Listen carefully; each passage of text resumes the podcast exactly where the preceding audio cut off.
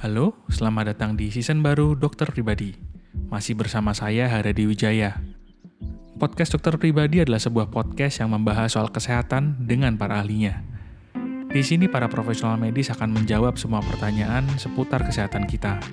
Season ini akan dipenuhi dengan lebih banyak topik menarik, fakta kesehatan, dan obrolan yang santai namun berisi. Jadi silakan duduk dan selamat menikmati. Karena setiap minggunya kami akan datang buat topik baru di mana Anda bisa belajar untuk hidup lebih sehat. Halo semua, selamat datang lagi di obrolan pribadi. Kembali bersama saya Haredi Wijaya, Stella Meril, eh Stella Meril dan Dokter Hari Pribadi. Halo semuanya. Halo. Halo, halo. Halo, halo. Nah, gimana kabarnya, Di? Ah, baik, Pak. Lelah, Pak. Lelah fisik, lelah mental ini akhir-akhir ini. Lelah fisik kebanyakan sih. Nah, Stella gimana nih Stella kabar ini? Aku juga lelah fisik nih. Isinya kayaknya selama WFH tuh makin hari tidur, terus intensitas olahraga aja kayak berkurang loh rasanya. Hmm. Jadi kurang bugar ya? Kurang bugar, kurang bugar, kurang bugar mungkin. Nah. Betul. Aku mau tanya ini sih. Ini sebenarnya gini sih, aku kan pakai ini ya, pakai jam tangan yang buat ngitung langkah ya. Hmm. Itu tuh kayak, aku nggak ngerti apakah ini berbeda atau tidak. Tolong dokter Hari menjawab kalau misalkan sama-sama 5.000 langkah, ya, 5.000 langkah olahraga yang di treadmill yang memang benar-benar menyempatkan waktu untuk olahraga, itu tuh aku kok merasa lebih berefek dibandingkan 5.000 langkah yang misalkan kayak jalan-jalan di mall doang atau maksudnya kayak jalan meeting ketemu orang kayak the same result tapi kok kayaknya rasanya beda. Tapi hmm. di satu sisi aku juga merasa apa perasaanku aja jadinya sebenarnya sama gitu kayak Sebenarnya gimana Jadi, tuh? Intinya pertanyaannya, apakah aktivitas sehari-hari yang cukup berat itu sama dengan kita berolahraga? Uh, begitu, uh, betul, betul, betul. Jadi sebetulnya gini, kita tuh berolahraga itu ada batasannya. Harus hmm. mengikuti kaidah FIT. F I I T. Gitu. Okay. Jadi yang pertama itu F yang pertama adalah frekuensi. Nah, disebut olahraga kalau misalnya kita tuh ada meluangkan waktu kurang lebih 150 menit per minggu. Jadi oh, kalau dibagi lima, hmm, dibagi lima kurang lebih 30 menit tuh satu hari. Jadi kalau misalnya yang kita sebut itu pergi ke mall tadi, jalan-jalan gitu ya, uh. yang disebutnya jalan 10 menit, 15 menit, eh ada baju bagus, mampir dulu, diam, lihat oh. Ya. Ada periode dia diamnya. Itu uh. tidak berlaku sebagai olahraga. 30 menit itu harus terus terusan begitu. Nah, karena ada ada ada uh, kenapa harus 30 menit itu lanjut terus istilahnya. Sama juga kayak ibu-ibu gitu. Banyak pasien-pasien jantung saya di poli itu bilang kan, "Dok, kan saya kan udah capek tuh di rumah bersih-bersih, ngepel, nyapu." Gitu kan? Oh. Tapi kan ibu tidak 30 menit untuk melakukan itu. Kadang-kadang begitu. Oh. Dan kenapa harus ada I yang kedua? Karena ada disebutnya intensity atau intensitas. Oh. Nah, intensitas ini kita berolahraga untuk mencapai apa sih? Mencapai sebutnya metabolisme tahap tertentu, yaitu yang kita hmm. ukur dalam bentuk heart rate atau detak hmm. jantung. Nah, jadi kita tuh harus ngitung tuh detak jantung kita yang mau kita capai saat kita berolahraga itu berapa, baru dia memicu tubuh kita tuh dalam suatu state olahraga. Gitu. Ketika tubuh kita itu bisa memetabolisme dengan lebih baik, glukosa yang ada di otot yang kita sebut glikogen itu bisa dipecah, lemak itu dipecah gitu. Ketika dia mencapai tahap heart rate tertentu, metabolismenya naik. Gitu. Nah, cara ngitung metabolismenya itu sebetulnya kita tuh ada namanya heart rate maksimal. Itu hmm. yang disebutnya 220 kurangin umur. Misalnya Aryadi 220 minus 30 minus 190. Wah, tapi, buka kartu. tuh. Nah, tapi misalnya eh. itu kan 190 tuh maksimal kan? Nah, kita Nah, biasa tiap-tiap orang tuh beda-beda mencapainya. Kalau atlet bisa 85% dari heart rate maksimum dia capai. Itu untuk dia itu targetnya dia mengendure. Jadi tiap kali dia berolahraga kemampuan fisiknya naik tuh. Oh. Nah, tapi untuk orang-orang seperti ya menjaga kebugaran atau fitness kita itu cukup 50 sampai 70% aja. Di di metriknya detak jantung tuh biasanya juga ada yang namanya resting resting, resting heart rate. Heart rate. Nah, hmm. kalau yang aku tahu itu semakin bugar orang atlet nih contohnya aku tahu aku sih kan nonton nonton F1 tuh resting heart rate bisa rendah banget loh jadi mereka memang kalau pas kepat di pacu adrenalin bisa sampai 180-an tapi restingnya mereka bisa 70 bahkan di bawah 70 kenapa kok orang yang bugar tuh malah resting heart rate-nya dia makin rendah hmm. Ini bagi pak waktu itu kita pernah ada podcast salah satu kita bilang sebetulnya Nah, kebetulan ada Stella nih, baru kan dari. Coba tebak, kura-kura sama kelinci, umurnya lebih panjang mana? Kura-kura lah. Nah, kura-kura, kenapa? Karena dia tidak berolahraga. Jadi teman-teman yang para pendengar tidak perlu berolahraga. Umur panjang Hampir aja, Ben. Gak begitu dong. Ya. Jadi, kura-kura tuh detak jantungnya cuma 10 sampai 20 kali per menit dibandingkan kelinci. Ya, kelinci itu 180 sampai 200 kali per menit. Gitu. Jadi Bahkan, kalau gitu jatuh cinta bikin kalian cepat mati. Jomblo juga aja selama ini. Makanya namanya jatuh cinta, Bu. Jatuh soalnya. Bolak-balik kan jatuh. Nah. nah, itu juga yang mendasari ketika tubuh kita semakin efektif, hmm. dia itu semakin rendah detak jantungnya. Contohnya, paling nah paling ekstrim itu atlet-atlet uh, lari maraton dan hmm. at, apa atlet sepeda Tour de France. Hmm. Nah, mereka tuh heart rate-nya itu bisa 40 kali per menit, 45. Hah? Iya, oh. karena jantungnya tuh mompanya bagus sekali, efektif. Sekali mompa jebret langsung. Betul. Nah, oh. ketika dia semakin dia dia itu ketika dia dari heart rate dia resting heart rate uh -uh. menuju heart rate tujuan ya itu hmm. semakin lebar, dia berarti punya heart rate reserve yang dia semakin besar. Nah, heart rate reserve ini, ini cocok dia untuk menghitung seberapa besar sih kita itu kapasitas kita latihan. Jadi, atlet-atlet tuh sekarang uh, makin ke sini banyak dokter-dokter olahraga tuh, jadi lebih hmm. mengetahui teori-teori begini gitu. Kalau ngomong resting heart rate berarti itu kondisi di mana kita tuh santai banget, nggak ngapa-ngapain, nggak ada beban, jadi jantungnya bisa kayak Jeduk. Iya. Karena oh. uniknya jantung itu lucunya, kalau organ lain tuh dia terisi waktu sistol. Kan tekanan darah ada tekanan 120 per 80, begitu kan? Ya. Nah, ketika jantung itu mompa, nah organ-organ di sekitar jantung yang lain itu kan terpompa, teraliri darah. Ya. Tapi jantung sendiri mendapat aliran darah ketika apa? Ketika dia beristirahat, karena darahnya balik. Oh. Oke, okay, gitu. oke. Okay.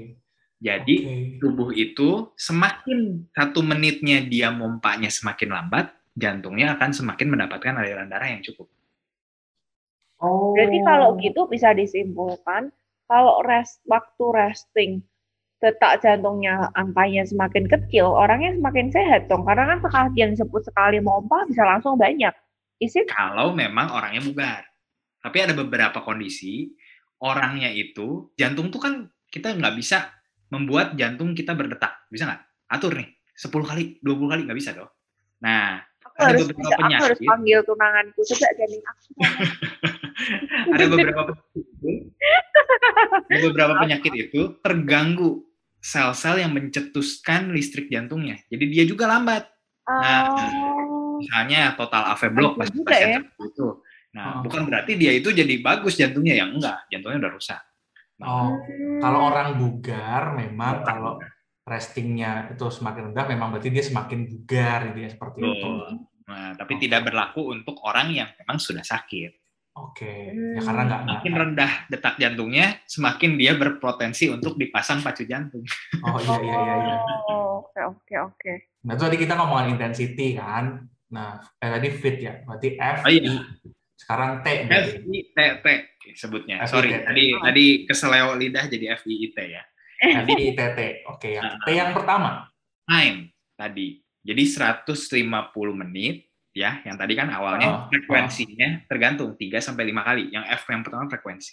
Oh. Jadi oh. sudah terjawab di yang pertama ya. Pertanyaan jadi gini, kan ngomong 150 menit per minggu. Hmm. Mana yang lebih baik? Mana yang lebih baik? 30 menit kali 5 hari atau 150 menit satu hari. Nah, terus kan sisanya Pertanyaannya adalah tujuannya apa? Uh, kalau kalau tujuannya itu untuk mengejar kebugaran, huh? sebetulnya semakin uh, cuman untuk bugar ya. Ya. Kan tubuh kita kan butuh relaksasi, relaksasi, ya. mencegah cedera begitu. Yang lebih panjang lebih aman. Jadi yang 150 menit per lima hari. Jadi cuma 30 menit. Karena tubuh oh. itu nggak terlalu capek. Nah, oh, okay. Mungkin kita pendekkan, jadi misalnya 150 menit dalam jangka waktu satu hari. Ya. Untuk satu minggu, itu semakin tinggi resiko cederanya. Oh, oke oke oke. Resiko cederanya jadi bermasalah ya. Ya, ya apalagi kalau yang dari dari nol ya. Nol total 150 ya. UGD kayak gitu ya. Banyak loh itu orang yang nggak sadar gitu. Pasti pernah pernah sadar uh, pernah dengar juga orang yang uh, misalnya dia tadinya apalagi belakangan ini lagi lagi hobi goes gitu ya. Ya, ya. Nah, kadang-kadang orang yang tadinya tidak tidak hobi goes dia ikut-ikutan goes yang tadinya orang yang cuma bisa 10 15 kilo uh, hmm. apa bersepedanya tiba-tiba dia diajak sama temennya ayo pergi keluar kota 40 sampai 60 kilo ya. dan dia durasi dia berolahraga jadi panjang sekali kan hmm. nah selain mengakibatkan cedera yang dia sadari langsung sakit misalnya kakinya hmm. atau apa ototnya pegal sebetulnya ada satu resiko di mana dia itu karena over metabolisme ya itu ototnya itu mengalami kita sebut rhabdomyolysis ototnya sampai rusak oh, gitu. okay efeknya kencingnya bisa kayak darah untuk pulang. Ih, kok serem sih? Nah, tapi yang ternyata yang dia kencingkan itu bukan darah, itu mioglobin. Salah satu enzim di dalam otot. Itu ketika otot itu dipecah, dia berubah menjadi mioglobin gitu. Nah, oh, serem ya? bahayanya ya? Ketika kan pasti pernah dengar, oh orang-orang yang bersepeda itu dehidrasi, terus udah gitu jadi gagal ginjal. Hmm. Nah, oh, oh. sebetulnya ada beberapa orang yang meskipun dia minum, tapi mioglobin ini tidak dikeluarkan dengan baik, dia tuh mengendap di ginjal, rusak juga ginjalnya. Gila, tubuh manusia tuh complicated ya. Oh, I see, I see. Berarti memang, berarti kudu gabungkan antara intensity dan time. Jadi kalau kita udah ketemu tiga nih, frekuensi, intensity, and time, memang makanya nama 150 menit per minggu. Yeah. sebisa mungkin di separate sebanyak mungkin. Hmm, ada okay, waktu okay. istirahatnya. Nah, uh. makin ke sini tuh orang makin mikir nih, gimana caranya supaya kita berolahraga itu makin pendek, makin panjang tapi efektivitasnya terhadap kebugaran kita.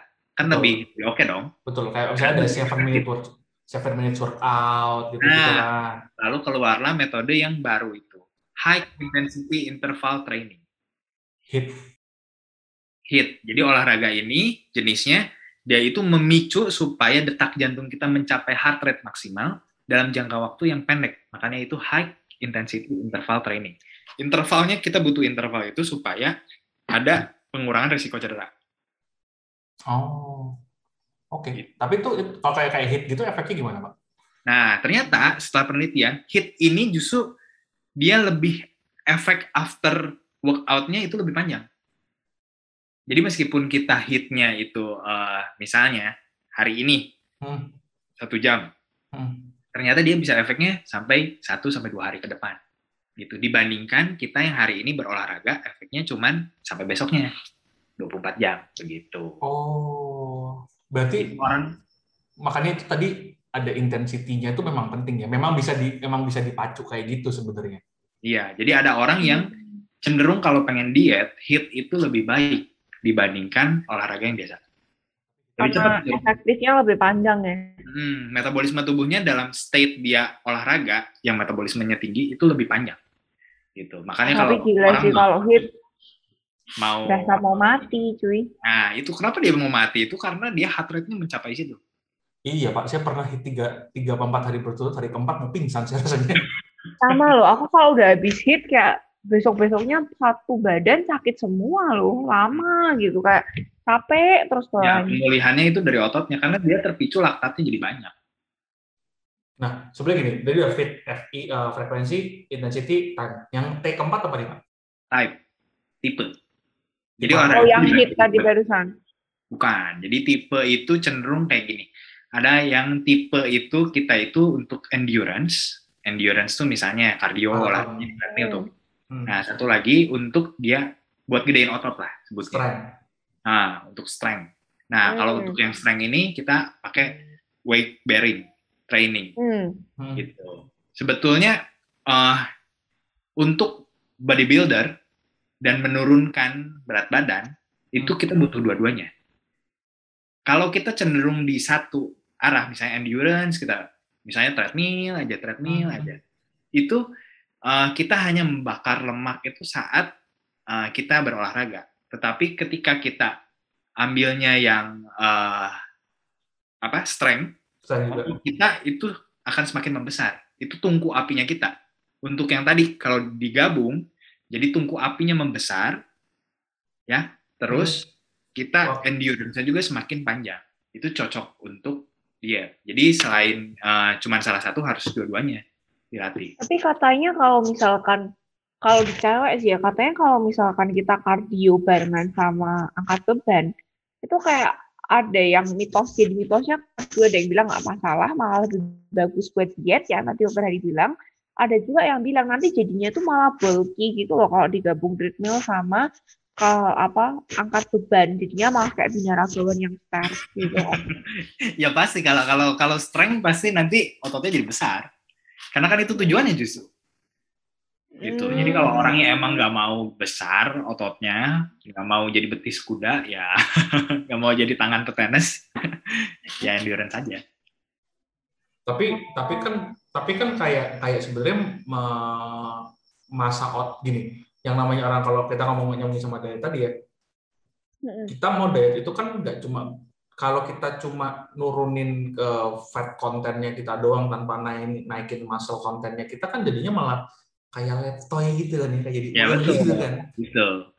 Gitu. Berarti kan emang butuh memang butuh dua-dua. hmm, semakin kita kuat strengthnya semakin ada orang juga kan yang latihannya cuma endurance terus hmm. ketika dia diet jadi gampang yoyonya it's me I'm gitu. here jadi okay. misalnya dia dari 70 kilo dia turun tuh karena dia lari gitu ya treadmill atau apa dia turun uh, 50 begitu nah tapi mempertahankan metabolisme itu jadi tambah sulit ketika dia endurance-nya, latihan endurance-nya dia berhenti, state metabolismenya dia akan turun, tubuhnya akan berkompensasi.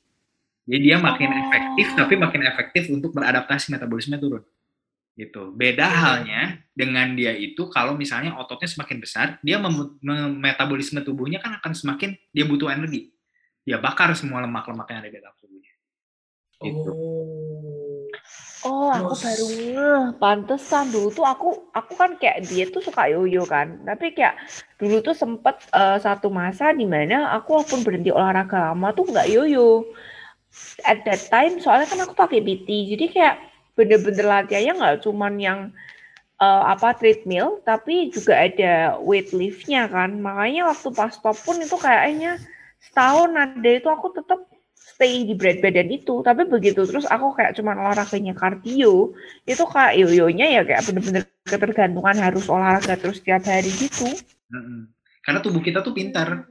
Dia itu ketika kita sudah tidak memerlukan otot-otot tertentu ya pasti mengecil sama ada orang yang misalnya udah kena stroke hmm. dia itu tidak bisa berjalan nah tubuh tuh akan berespon oh ini orang yang udah nggak jalan nih nggak butuh jadi otot kakinya akan menciut lama kelamaan gitu. Okay. Teori evolusi Darwinnya kayak gitu lah. Dulu tuh otot Jadi kalau gitu Huh? Dulu tuh otot masseter kita orang itu karena dia makan daging itu nggak di nggak dimasak. Iya iya iya. Belum ada nah, presto, Pak. Ototnya setengah mati toh. Nah, rahang orang-orang Pithecanthropus erectus itu gede banget tuh. Gitu. Itu yang memancing juga dia otot otot uh, rangka dan kerangkanya itu jadi besar katanya teorinya begitu. Tapi makin ke sini orang kan nggak butuh tuh. Di geraham kita aja makin lama makin nggak cukup kan sampai dicabut-cabut tuh. Di terakhir. Karena kenapa? Karena rahang kita semakin kecil. Kenapa? Karena otot masseter kita semakin kecil. Makanan sekarang semakin lunak. Marshmallow. Nah, butuh gigi? Enggak. boba, Pak. Boba. Boba. boba. Oh, I see, I see. Oh, makanya orang pada bilang kalau mau sehat sampai tua, olahragalah dari muda karena kita kayak nabung otot gitu nggak sih jadi Tuh. kayak mem, mem, apa mememorikan tuh apa kayak tubuh kita tuh biar punya memori bahwa otot-ototmu yang bagian-bagian ini tuh selalu digunakan gitu nggak sih? Betul betul. Jadi oh. uh, itu juga yang mendasari sekarang itu kan uh, ada kampanye bahwa wanita itu rentan osteoporosis, betul tidak? Oh, oh, oh. Umur 55 estrogennya turun, penyerapan kalsiumnya akan rendah untuk membentuk massa tulang.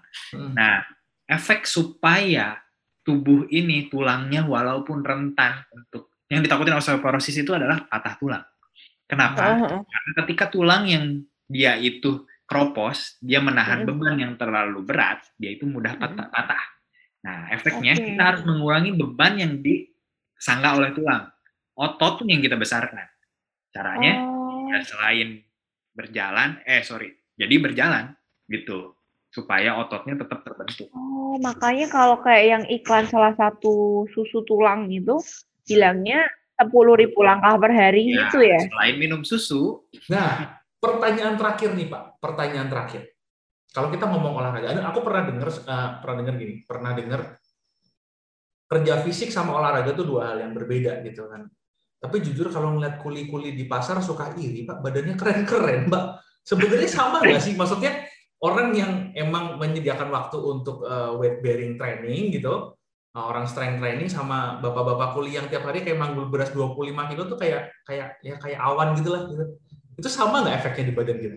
sebetulnya sama. Maksudnya dari Kalau bentuknya ya berarti ya pertanyaan. Nah, Eh, sorry, bukan dari bentuknya, tapi untuk kesehatan, kebugaran kita, eh, kesehatan kita secara keseluruhan itu sama nggak? Karena ada yang ngomong ya, ada yang ngomong beda loh. Eh, kalau olahraga olahraga emang kondisinya happy, kalau kerja kan stres gitu.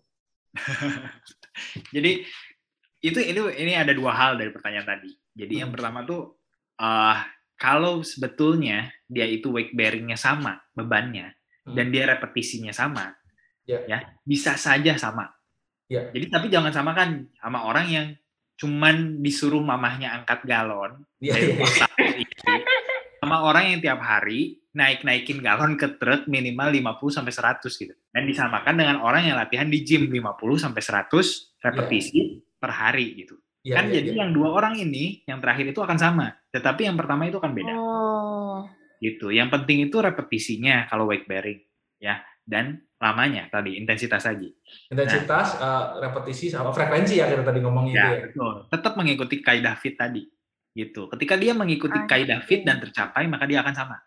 Tetapi ketika dia cuman saat itu melakukannya terpaksa, gitu, itu tidak sama. Gitu.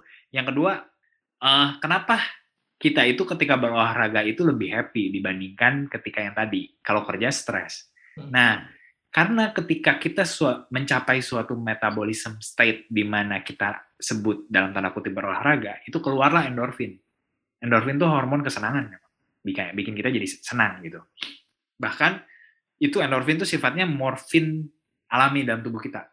Lihat deh, kalau orang main Hmm. bola dulu ya, Hmm. patah tulangnya di sliding saat itu nangis iya nangis, sakit iya sakit, tapi dibandingkan dia sudah keluar dari lapangan lebih sakit mana? Lebih sakit di luar lapangan. Ketika endorfinnya sudah efeknya sudah hilang. Gitu. Jadi itu yang me- yang mencetuskan juga kenapa ketika olahraga itu orang lebih happy melakukannya dibandingkan uh, melakukan sesuatu kegiatan yang cukup berat ketika dia cuman uh, bekerja begitu. Berarti kalau kerja biasa dia nggak nggak endorfinnya nggak keluar ya? Biasanya nggak keluar, malah stres tuh. Tergantung Bu, tergantung. Kalau menurut saya tergantung. Kalau yang diangkat emas 25 kilo, mungkin endorfin tetepan. Tapi kalau mungkin itu masuk punya dia, Oh, bener, bener, bener, bener. kalau punya bosnya nggak juga. Oke, berarti intinya tetap tadi ya kaidahnya fit F I T T. Frekuensi, intensity, time and type gitu. Berarti memang perlu ya ternyata. Jadi buat Stella dan saya ini kaum kaum rebahan kita harus mulai bangkit tampaknya. Harus mulai segera memperbaiki kebugaran kita. Masa kalah sama bapak beranak dua yang satu ini sih? Makanya, ntar biar kita jadi mak-mak sama engkong-engkong yang cakep-cakep gitu. Iya, iya, iya. Yang masih bisa ya kayak kalau yang kalau di Instagram masih bisa angkat-angkat cucunya. gitu. Eh, Itu udah udah kita bahas tuh di usia kronologis biologis di Instagram. Oh, iya, iya, iya, iya. Oke, thank you buat Dokter Hari, thank you buat Stella, thank you buat yang dengerin. Sampai ketemu lagi di obrolan pribadi selanjutnya. Thank you. Dadah, bye.